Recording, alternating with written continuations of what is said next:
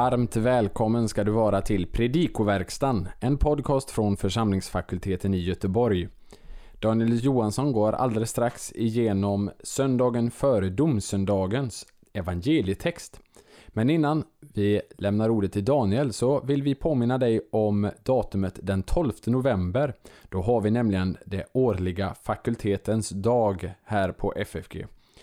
Temat för fakultetens dag i år är Sonen, skriften och svärmeriet. Det här är en dag som är öppen för alla och det behövs ingen särskild föranmälan. Eh, däremot så kan det vara så att du vill ha lite mer information om vilka talarna är och vilka tider som gäller. Då ber vi dig att antingen titta i Hälsning, vår tidskrift som sänds från församlingsfakulteten, eller gå in på vår hemsida www.ffg.se. Vi hoppas att vi får träffas på fakultetens dag. Men nu en genomgång av kommande söndags evangelietext. Vi önskar dig som vi brukar god lyssning. Andra årgångens evangelium för söndagen före domsöndagen hämtas från Lukas kapitel 12, verserna 35 till och med 40. Vi börjar med en språklig genomgång. Estosan, det första ordet i vers 35, är en presens imperativ i tredje person pluralis. Imperativ i tredje person pluralis eh, stöter man inte på så ofta. Notera att imperativen i presens uttrycker en maning att ständigt vara redo. Imperativen styr i sin tur de tre particip som följer i vers 35 och början av vers 36. Nämligen perietsos menai, kai omenoi och pros dechomenois. Ordagrant blir det här Må era kläder vara uppfästade, lamporna brinnande och ni lika människor väntande på sin Herre. I vers 36 stöter vi på en ovanlig användning av verbet analyo vars grundbetydelse är lösa upp. Man skulle kunna översätta när helst han bryter lös från bröllopsfestligheterna. Men betydelsen återvända för detta verb, analyo, är belagd i Septuaginta. Till exempel i Jobb 2.9. Eh, men detta skulle i så fall vara enda stället i Nya Testamentet med just den här betydelsen. Analyo står i konjunktiv, analyse, och tillsammans med adverbet inte uttrycks den ospecificerade tidpunkten för återkomsten. Satsen hinna elthontos kai krosantos eh, evtheos anoixos in auto i samma vers är också ovanlig. Hinna styr konjunktiven anoixosin för att demo öppna. Men insprängt eh, däremellan finns det två stycken genetivus absolutus, elthontos och krosantos. Eh, och för ovanlighetens skull så saknas det subjekt till dessa i genitiv. Satsförkortningen genetivus absolutus består ju av ett particip i genitiv och ett pronomen eller substantiv, också det i genitiv. Men här saknas det senare. Eh, subjektet som omnämns i föregående sats, nämligen deras herre, får i det här fallet betraktas som implicit i genitivus absolutusen. Eh, det här är inte helt unikt. Eh, Lukas ger oss ett liknande exempel i Apostlagärningarna 21.31. Men när vi översätter måste vi föra in ett pronomen sedan han kommit och knackat. Och satsen som helhet översätts för att sedan han kommit och knackat, demo må öppna. I vers 37 noterar vi verbet perizonimi. som ju betyder omgjorda. Lägg märke till att detta är samma verb som här används om Herren som återvänder som tidigare i vers 35 har använts om tjänarnas beredskap. Anaklinej eh, är aktivt och har då betydelsen eh, låta lägga till bords. Parerchomai betyder vanligtvis passera förbi men här i det här sammanhanget måste det ha betydelsen komma eller möjligen gå runt. Och därmed uttrycks omständigheten under, vilket hus, eh, under vilken husets herre betjänar sitt hus, husfolk. I vers 38 kan, det är en förkortad form av Kai-an. NT devtera kan NT trite fyllake betyder ordagrant vid andra eller tredje nattväkten. Det här har Bibel 2000 översatt eh, mycket fritt. I det romerska eh, systemet räknades fyra nattväkter 18 till 21, 21 till midnatt, midnatt till 3 och 3 till 6. Judarna däremot räknade med 3, 18 till 22, 22 till 2 och 2 till 6. Och det är oklart vilket system som avses här. I Apostlagärningarna 12.4 använder Lukas det romerska. Eh, men här återges ju en liknelse av Jesus vilket möjligen skulle peka på den judiska räkningen. I vilket fall avses en tid som spänner över midnatt och den större delen av natten. I vers 39 eh, kan verbet ginoskete vara antingen en imperativ eller indikativ. Och vi får översätta antingen förstå eller ni förstår.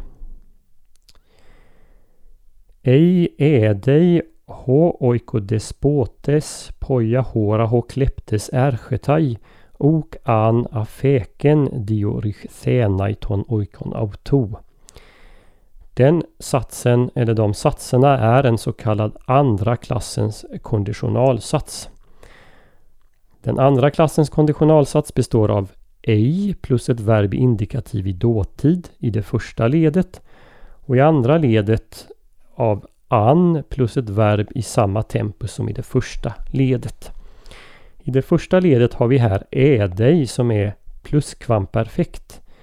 Men eftersom presensformen av oida, att veta, står i perfekt så motsvarar en pluskvamperfekt en aorist. Och Följaktligen har vi det andra ledet afeken som är en aorist. Den här typen av konditionalsats kallas också för det irreala fallet eller på engelska contrary to fact. Argumentationen i det irreala fallet utgår ifrån att det första ledet är falskt. Verbet diorisso betyder i första hand att gräva igenom och det anspelar på tegelstenshusen gjorda av lera i det heliga landet och hur man då bröt sig in i dessa. Men verbet kan också i överförd mening användas mer allmänt om att göra inbrott. Vi kan översätta hela den här meningen. Om husägaren visste i vilken stund tjuven kom skulle han inte låta honom bryta sig in i sitt hus. I vers 40 så eh, noterar vi hur Jesus betonar ni i satsen Kai hymeis un ginneste hetoimoi. Var ni alltså beredda? Hymeis är ju inte nödvändigt i den här satsen. Vi stannar till sist vid inledningen till den sista satsen där det står Hotti he hora. Relativpronomenet he har här placerats före korrelatet eh, det ord, det vill säga hora, som det refererar till. I normalfallet så skulle ju relativpronomenet hänvisa tillbaka till något som nämnts tidigare. Men här står det alltså före. Eh, det här kallar man på engelska för en internally headed relative clause. Lukas gör så här ibland, eh, till exempel alldeles i början på evangeliet i kapitel 1, vers 4. Den här konstruktionen tycks skapa ett förstärkt påstående. Så vi kan översätta i just den stund eller liknande. Så betonar vi det på ett liknande sätt som Lukas har gjort. Vår läsning kan vi dela upp i tre delar. Den första delen är liknelsen om att vara redo för Herrens återkomst. Det är verserna 35 och 36. Den andra delen är en salig förklaring över dem som vakat 37 till 38. Och den tredje delen är liknelsen om att vara redo för Människosonens återkomst. Det är verserna 39 till 40 till det här avsnittet i Lukas evangeliet hör faktiskt också en fjärde del eh, som inte ingår i evangelieläsningen men som vi bör eh, notera. Nämligen liknelsen om den trogne förvaltaren i verserna 41 till 48. Det här var texten på nionde söndagen efter trefaldighet tidigare i år. Notera att den andra delen här inringas av ett inklusio. Den både börjar och slutar med saligprisningen Makarioi hoidoloi ekeinoi. Saliga är dessa tjänare. Det här framgår fint i både Bibel 2000 och Folkbibeln 98 men inte lika klart av Folkbibeln 2015. Vår text ingår i ett längre undervisningsavsnitt som börjar med varning för hyckleri, hyckleri. Därefter varning för att vara rädd för människor. En varning för att förlita sig på jordisk rikedom och till slut en varning för att göra sig bekymmer. Innan Jesus nu i vårt textavsnitt talar om vikten att förbereda sig eh, inför hans återkomst. Och då ska vi helt kort notera huvudsaken i respektive del i de tre delarna.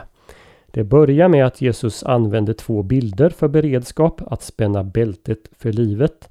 Det innebar att man drog upp de fotsita kläderna så att man kunde röra sig fritt och fortare. Den andra bilden, de brinnande lamporna, visar på en beredskap att röra sig i mörker. Båda behövs för att omedelbart kunna ta emot husets herre om man kommer hem mitt i natten. Saligprisningen i vers 37 och 38 eh, kompletterar saligprisningarna i Jesus lättpredikan i kapitel 6. Saliga de tjänare som är beredda på sin herres återkomst när än han kommer om det så blir mitt i natten.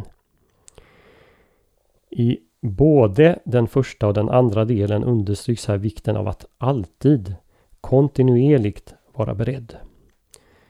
Det saliga, lycksaligheten, består i att deras Herre helt överraskande kommer att betjäna sina tjänare. Att han själv blir en tjänare när han kommer tillbaka. Och här ska vi lägga märke till paralleller i Lukas 22, 26 och framåt. Johannes 13, 3-5 och Kristushymnen i Filipperbrevet 2.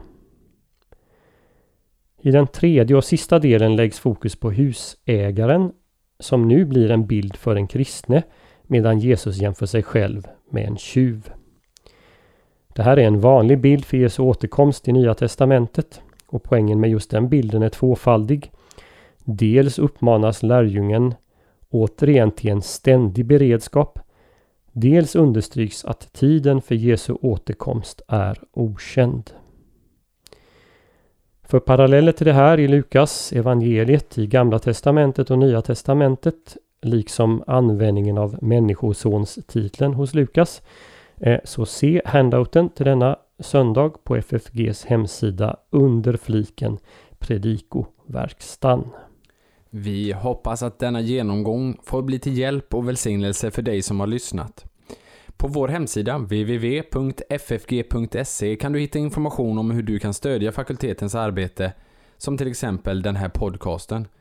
Ett sätt att stödja är att skänka en gåva genom Swish. Församlingsfakultetens Swish-nummer är 123 100 84 57. Alltså 123 100 84 57. Mottagaren som anges är Peter Isak Bens utbildningsstiftelse. Märk gärna gåvan FFG Podcast om du vill stötta just denna podden. Så önskar vi allt gott och Guds välsignelse.